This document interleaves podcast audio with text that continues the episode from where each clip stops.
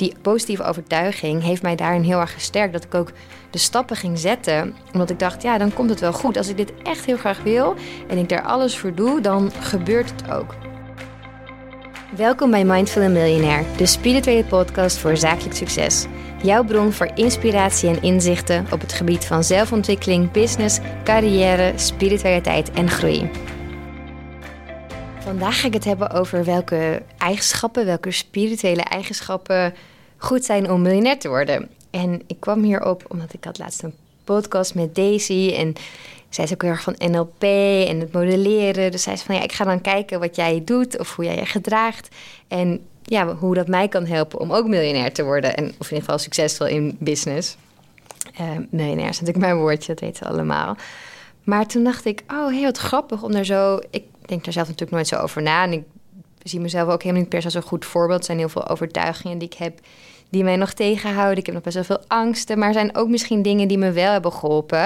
En het grappige is natuurlijk dat iemand anders dat veel sneller ziet dan jijzelf. Dus in dit geval zag Daisy bepaalde dingen bij mij en zei ze van... hé, hey, dat heeft jou denk ik heel erg geholpen.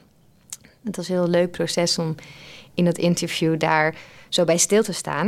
En toen dacht ik, dit is ook wel goed voor een podcast... want dan moet ik wat dieper in mezelf gaan graven... om te kijken welke eigenschappen mij juist dienen... om succesvol te zijn in business. En ook welke eigenschappen dat wat minder doen. Maar deze podcast wordt positief, dus ik focus me vooral op alle eigenschappen... en dan vooral de spirituele eigenschappen die helpen. En de eerste die ik dan wil behandelen, en dat was ook die gelijk in de podcast met deze naar boven kwam, is het hebben van overtuigingen. En dan positieve overtuigingen. Overtuigingen die je stimuleren. Want we kwamen erop dat ik eigenlijk al sinds kind heel erg sterk het gevoel heb dat als ik iets heel graag wil, dat het me dan ook lukt.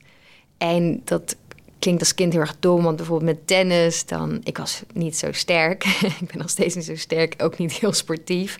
Maar ik won wel dan vaak de wedstrijden. Want ik wilde dat gewoon heel graag. Dus ik ging dan een beetje slim spelen en ik ging me helemaal focussen. En dan won ik tegen eigenlijk alle verwachtingen in. Soms ook van meisjes die dan veel beter waren, waren allemaal nog heel klein.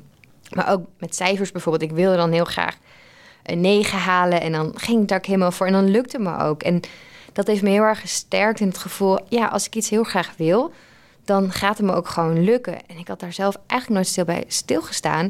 Maar dat heb ik natuurlijk heel erg in mijn business ook gedaan. Ik wilde heel graag dat wij super groot zouden worden, dat we heel hard gingen groeien. En daar deed ik ook alles voor. Dus die positieve overtuiging heeft mij daarin heel erg gesterkt. Dat ik ook de stappen ging zetten. Omdat ik dacht, ja, dan komt het wel goed. Als ik dit echt heel graag wil en ik daar alles voor doe, dan gebeurt het ook.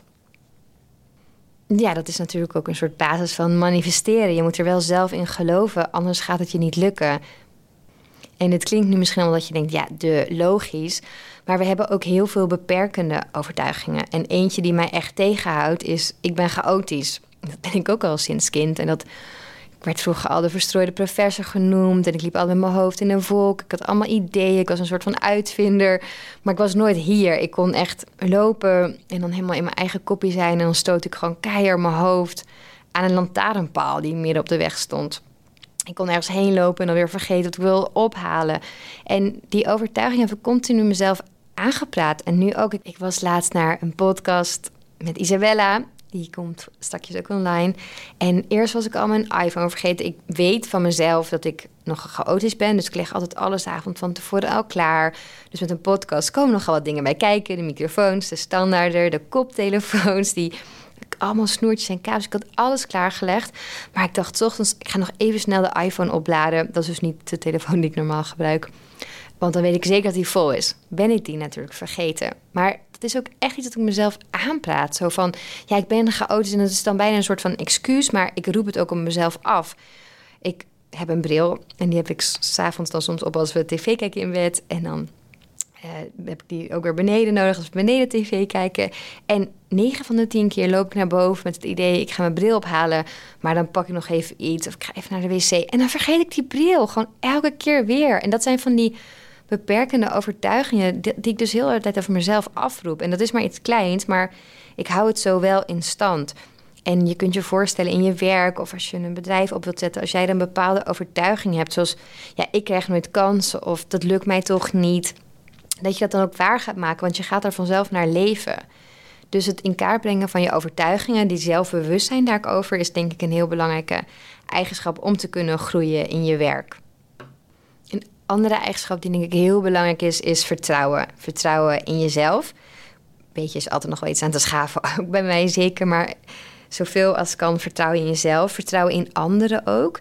Dat je durft te vertrouwen op anderen. Ik ben best wel goed in het loslaten van dingen en dat was wel een zoektocht, want ik op een gegeven moment vond ik het super fijn om dingen te delegeren, maar ik moet het wel in de gaten houden. Want als je denkt, oh, ik delegeer het en het gebeurt dan niet, dan is het een slechte ervaring. Dan heb je zo van, oké, ja, als ik het niet zelf doe, dan gebeurt het niet goed. Dus dan kan ik maar beter zelf doen. Nou, daardoor groei je niet, maar de mensen om jou heen ook niet. Dus je hebt dan een soort check nodig om te zien of dat vertrouwen, ja, of daar goed mee om wordt gegaan, of alles duidelijk is. Maar dat vertrouwen, dat durven loslaten, andere mensen dingen durven laten doen, dat heeft er wel voor gezorgd dat ik zo heb kunnen groeien. Want als ik alles zelf had willen doen, dan, ja, dat lukt niet. Daar kan je geen bedrijf mee bouwen.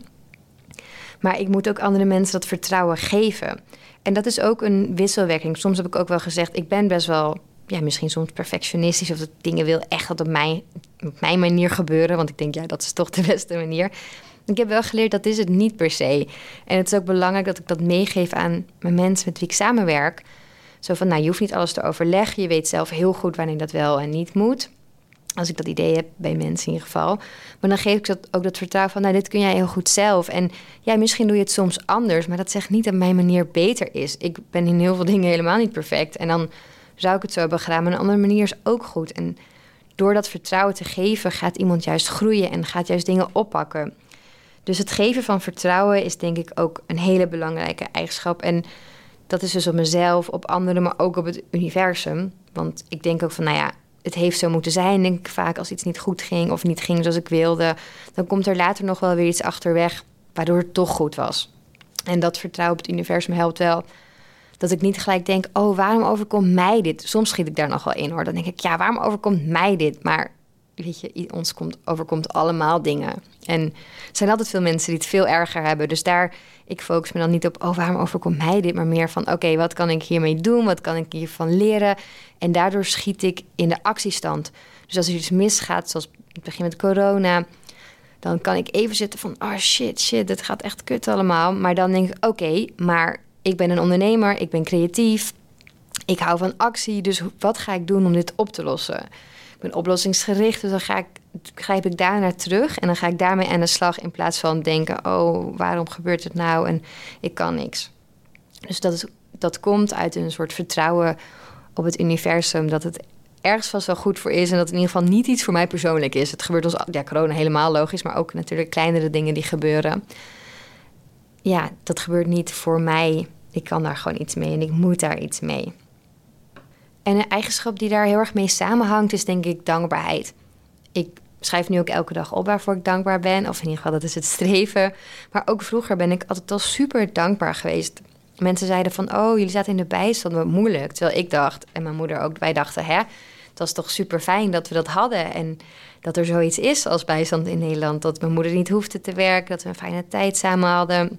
Dus dan denk ik van, nee, ik was daar juist dankbaar voor. En ik ben ook wel dankbaar voor het feit dat ik zo op ben gegroeid. Want ik kan ook best wel verwend zijn. Of ik was waarschijnlijk heel verwend geworden als ik die, ja, als ik die periode niet zo had beleefd. Dus ik ben nu wel fijn dat ik de waarde van geld weet en dat ik daar ook echt dankbaar voor ben. Dus ja, ik ben snel dankbaar, denk ik. En ik kan ook wel snel schieten in het verwenden. Dat weet ik ook van mezelf. Dus daarom vind ik het zo belangrijk om dankbaarheid wel echt te blijven beoefenen. Dat ik daardoor echt tevreden ben. Want ik geloof heel erg dat door dat tevreden zijn, door dankbaar zijn, dat je daardoor veel meer kansen gaat zien. Nogmaals, dan schiet je niet zo snel in die slachtofferrol van waarom overkomt mij dit, maar dan zit je veel meer in die hoge positieve energie van ja, ik ben dankbaar voor al het goeds wat er komt en er gaat nog veel meer goeds aankomen. En door die houding trek je fijne mensen om je heen aan, je trekt kansen aan, je ziet ook kansen, want je denkt, ah ja, ben ik uh, blij mee. En dan zie je ook goede, positieve dingen die er gebeuren en tap je daarop in. Het hebben van, ja, ik vind het een vreselijk woord, maar ik ga toch zeggen: het hebben van passie voor wat je doet is natuurlijk ook super belangrijk. En ik geloof dat het heel erg samenhangt met het hebben van een dharma. En je hoeft nog helemaal niet precies te weten wat, wat je dharma is, wat je zielsmissie is.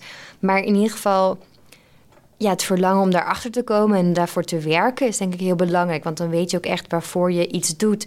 En waarvoor je zoveel tijd en energie ergens in wilt steken. En dan weet je ook veel meer wat voor keuzes je moet maken. Dus je zit veel meer op één weg dan dat je heel erg rondfladdert.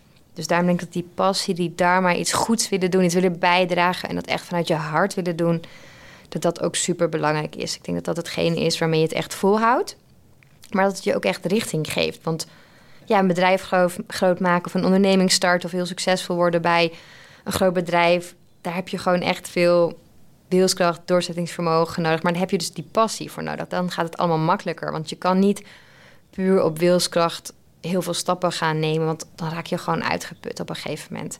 Je moet er wel zelf echt in geloven. En dat komt voor mij heel erg uit dat gevoel van dat ik mijn dharma leef. Of dat ik in ieder geval ja, een reis maak naar mijn dharma. En dat ik daar steeds meer achter kom.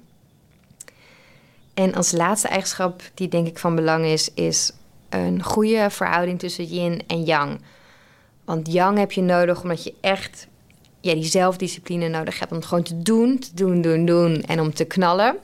Dat heb je echt nodig om, ja, om überhaupt te beginnen, maar ook om een beetje risicovolle beslissingen te nemen, om een kant op te gaan die misschien niet iedereen op gaat, om dingen uit je comfortzone te doen, om je grenzen te verleggen. Dat heb je allemaal nodig om succesvol te zijn.